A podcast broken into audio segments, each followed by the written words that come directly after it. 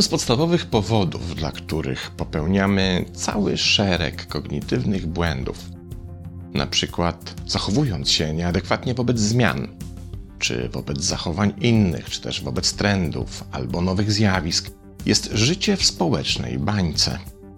Oczywiście na różnych poziomach doświadczamy tego zjawiska wszyscy, bo jest na stałe przypisane do naszej codzienności.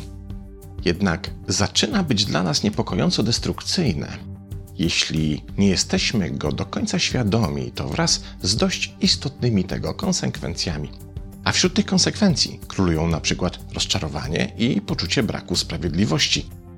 A to zaledwie wierzchołek góry lodowej. Jak zwykle pokażmy to zjawisko najpierw na kilku przykładach. Oto Zdzisiek, 50-letni dziennikarz dużego portalu informacyjnego, pisze artykuł o dzisiejszej młodzieży, którego tezą jest, że młodzi ludzie rozmienili ideały na drobne. Zamiast interesować się przyszłością ojczyzny, wolą pić latę ze Starbucksa i jeździć na wakacje do Tajlandii.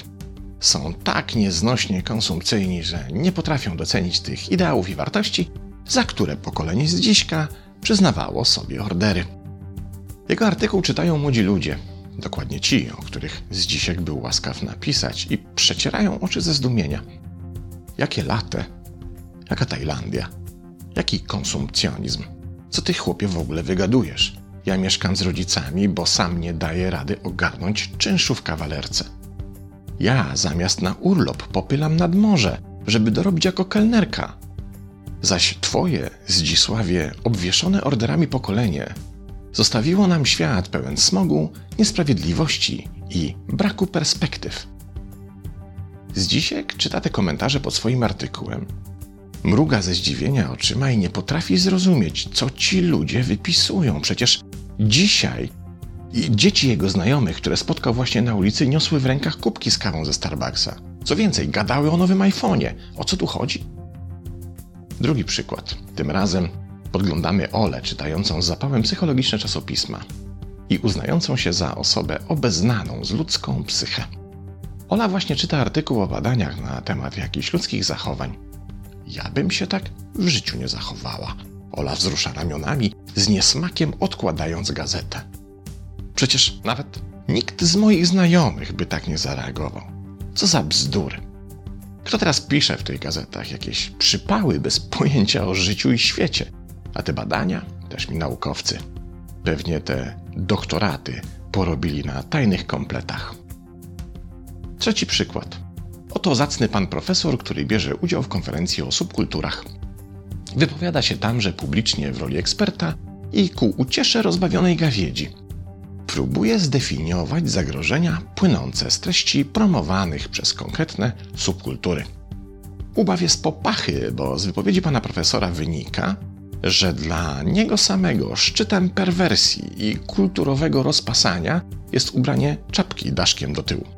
A robi się naprawdę śmiesznie, kiedy pan profesor mówi o deprawacji płynącej z muzyki metalowej, która to deprawacja jego zdaniem dotyka swą szatańską siłą dzisiejszą młodzież i jednocześnie pan profesor nie zdaje sobie sprawy z tego, że tak naprawdę dzisiejsza młodzież w kontekście czarnych przestrzeni naszej ludzkiej duszy mogłaby muzyków z zespołu, który tak drażni pana profesora, tak naprawdę jeszcze sporo nauczyć. Wszystkie powyższe przykłady mają ten sam mianownik. Otóż ich bohaterowie konstruują swoje osądy i opinie na podstawie własnych życiowych doświadczeń i jednocześnie nie biorą pod uwagę, że fundament tej konstrukcji sam w sobie może nie być miarodajny. Zarówno Zdzisiek, Ola, jak i pan profesor żyją w społecznych bańkach, z których raczej nie zdają sobie sprawy. Wywodzą więc swoje zdanie o świecie i przekonania z obserwacji własnego otoczenia, które stanowi zaledwie mały wycinek rzeczywistości i to zazwyczaj kompletnie nie reprezentatywny dla całej reszty. Wiedza pana profesora o subkulturach wywodzi się na przykład z lat 80., kiedy jako wystraszony wypłosz spotykał na ulicy chłopaków w ramoneskach z napisem Punk's Not Dead i No Future, czyli z żynami oporu zachodniego świata wobec brnącego w ślepy zaułek przyszłości konsumpcjonizmu. Zaznaczmy, kompletnie nieadekwatnego do polskiej rzeczywistości lat 80. Ola zaś czerpie swoją wiedzę o ludzkich wzorcach behawioralnych wyłącznie z przykładu małej grupki swoich znajomych oraz socjalizacji, w której jednym z największych towarzyskich grzechów było trzymanie ręki w kieszeni, czy wejście do czyjegoś domu, nie ściągnąwszy najpierw w sieni butów. Można by oczywiście wymieniać te przykłady dalej. Sęk jednak w tym, że te społeczne bańki tworzą wzorce, na podstawie których następnie wnioskujemy o świecie. I oczywiście, dopóki udaje nam się przeżyć we własnej bańce, dopóty to wnioskowanie nie poddaje się często bolesnej weryfikacji, bo kiedy tak się dzieje, na przykład kiedy profesor, Zdzisiek i Ola pozostają wśród mieszkańców tej samej bańki i z nimi wymieniają się przekonaniami, ich świat wierzeń utrzymuje się w stabilnej pozycji, zaś wszelkie odgłosy dochodzące spoza bańki są traktowane jako irracjonalne przejawy czyjegoś absolutnego szaleństwa. Zawsze zresztą można je skutecznie zagłuszyć. To mniej więcej tak, jakbyśmy mieli sąsiada, który raczy nas zbyt głośną muzyką z za ściany i do tego taką, której nie lubimy. Jednym ze sposobów na ten dyskomfort jest puszczenie ciut głośniej własnej muzyki, tej, którą lubimy, a wtedy muzyka za ściany już do nas nie dociera, więc przestaje nam przeszkadzać. Problem jednak w tym, że sam akt puszczenia własnej muzyki jeszcze nie sprawia, że sąsiad wyłączy swoją. My jedynie w ten sposób zagłuszamy wszystko to, co nam nie odpowiada i co dociera do nas spoza naszej bańki. Kiedy jesteśmy w jej środku, uznajemy, że zagłuszenie rozwiązuje problem. Można tak powiedzieć, ale wyłącznie do czasu. Otóż dopóki sąsiad nie puści na tyle głośno własnej muzyki, że już nie potrafimy jej zagłuszyć własną, naszą. I ta sytuacja dobrze obrazuje, co się dzieje wówczas, kiedy nasza bańka nie wytrzymuje naporu z zewnątrz i pęka. To, co oddzielało nas od prawdziwego świata i co stanowiło naszą ochronną zaporę, nagle znika. I czy chcemy, czy nie, musimy się zmierzyć ze światem, którego istnieniu zaprzeczaliśmy. To sytuacja, w której Zdzisiek zostaje publicznie wyśmiany za głoszenie obrazu świata, który tak naprawdę nie istnieje. Sytuacja, w której Ola przeprowadza się do innego miasta, wchodzi w relacje z nowymi ludźmi i za każdym razem jest rozczarowana ich zachowaniem.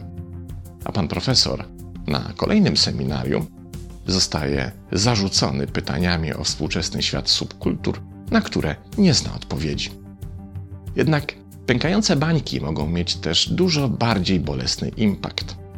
Mogą nas dosłownie zranić swoimi rozpadającymi się fragmentami.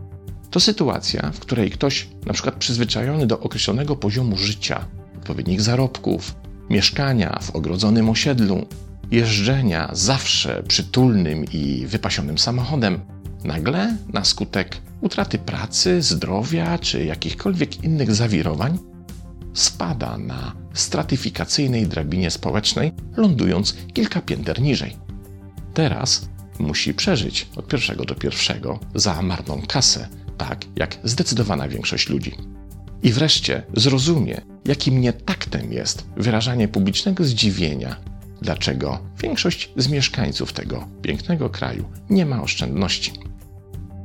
Teraz musi doświadczyć uroków mieszkania w dzielnicy, w której, żeby dostać się z przystanku autobusowego do mieszkania, trzeba pokonać co najmniej kilka mało grzecznych próśb sąsiadów o dołożenie do flaszki i zmierzyć się z prawdziwymi urokami komunikacji miejskiej. Kiedy mieszkamy w swoich bańkach, zamykamy się w nich głównie w obawie przed deprawacją pochodzącą z otaczającego nas świata, którego najchętniej byśmy nie dostrzegali a już na pewno nie rozumiemy. Podobnie jak zamykamy nasze osiedla na resztę społeczności. Jednak paradoks społecznych baniek polega na czymś zupełnie innym. To one nas deprawują. Izolacja od prawdy, którą nam zapewniają, jest i owszem wygodna, ale tak naprawdę uniemożliwia nam szereg społecznie istotnych zachowań, takich jak empatia, współczucie czy rozumienie motywacji innych. Im bardziej się w nich zamykamy, tym bardziej ryzykujemy, bo czasem bańki pękają, ponieważ istotą każdej szklanej bańki jest jej kruchość, co najlepiej widać, kiedy próbujesz umyć swoje ulubione kieliszki w zmywarce. Oznacza to, że bańka może pęknąć w każdej chwili, powodując bolesną weryfikację przekonań i zderzenie z niebiorącą jeńców rzeczywistością. Jak się przed tym chronić? Czy w ogóle istnieje na to jakikolwiek sposób? Niestety, większość socjologicznej wiedzy podpowiada, że nie da się uniknąć społecznych baniek. Towarzyszą nam one cały czas, stanowiąc nieodłączny element naszego prywatnego krajobrazu. Jedynym zaś, co nam pozostaje, to świadomość tego, że patrzymy na świat zawsze ze środka jakiejś swojej bańki. Im zaś nasza bańka ma grubsze ścianki, tym mniej prawdziwej rzeczywistości przez nią widać. Tym bardziej zniekształca obraz, o czym zawsze warto pamiętać, oceniając świat oraz zachowania, wartości czy potrzeby innych ludzi. Pozdrawiam.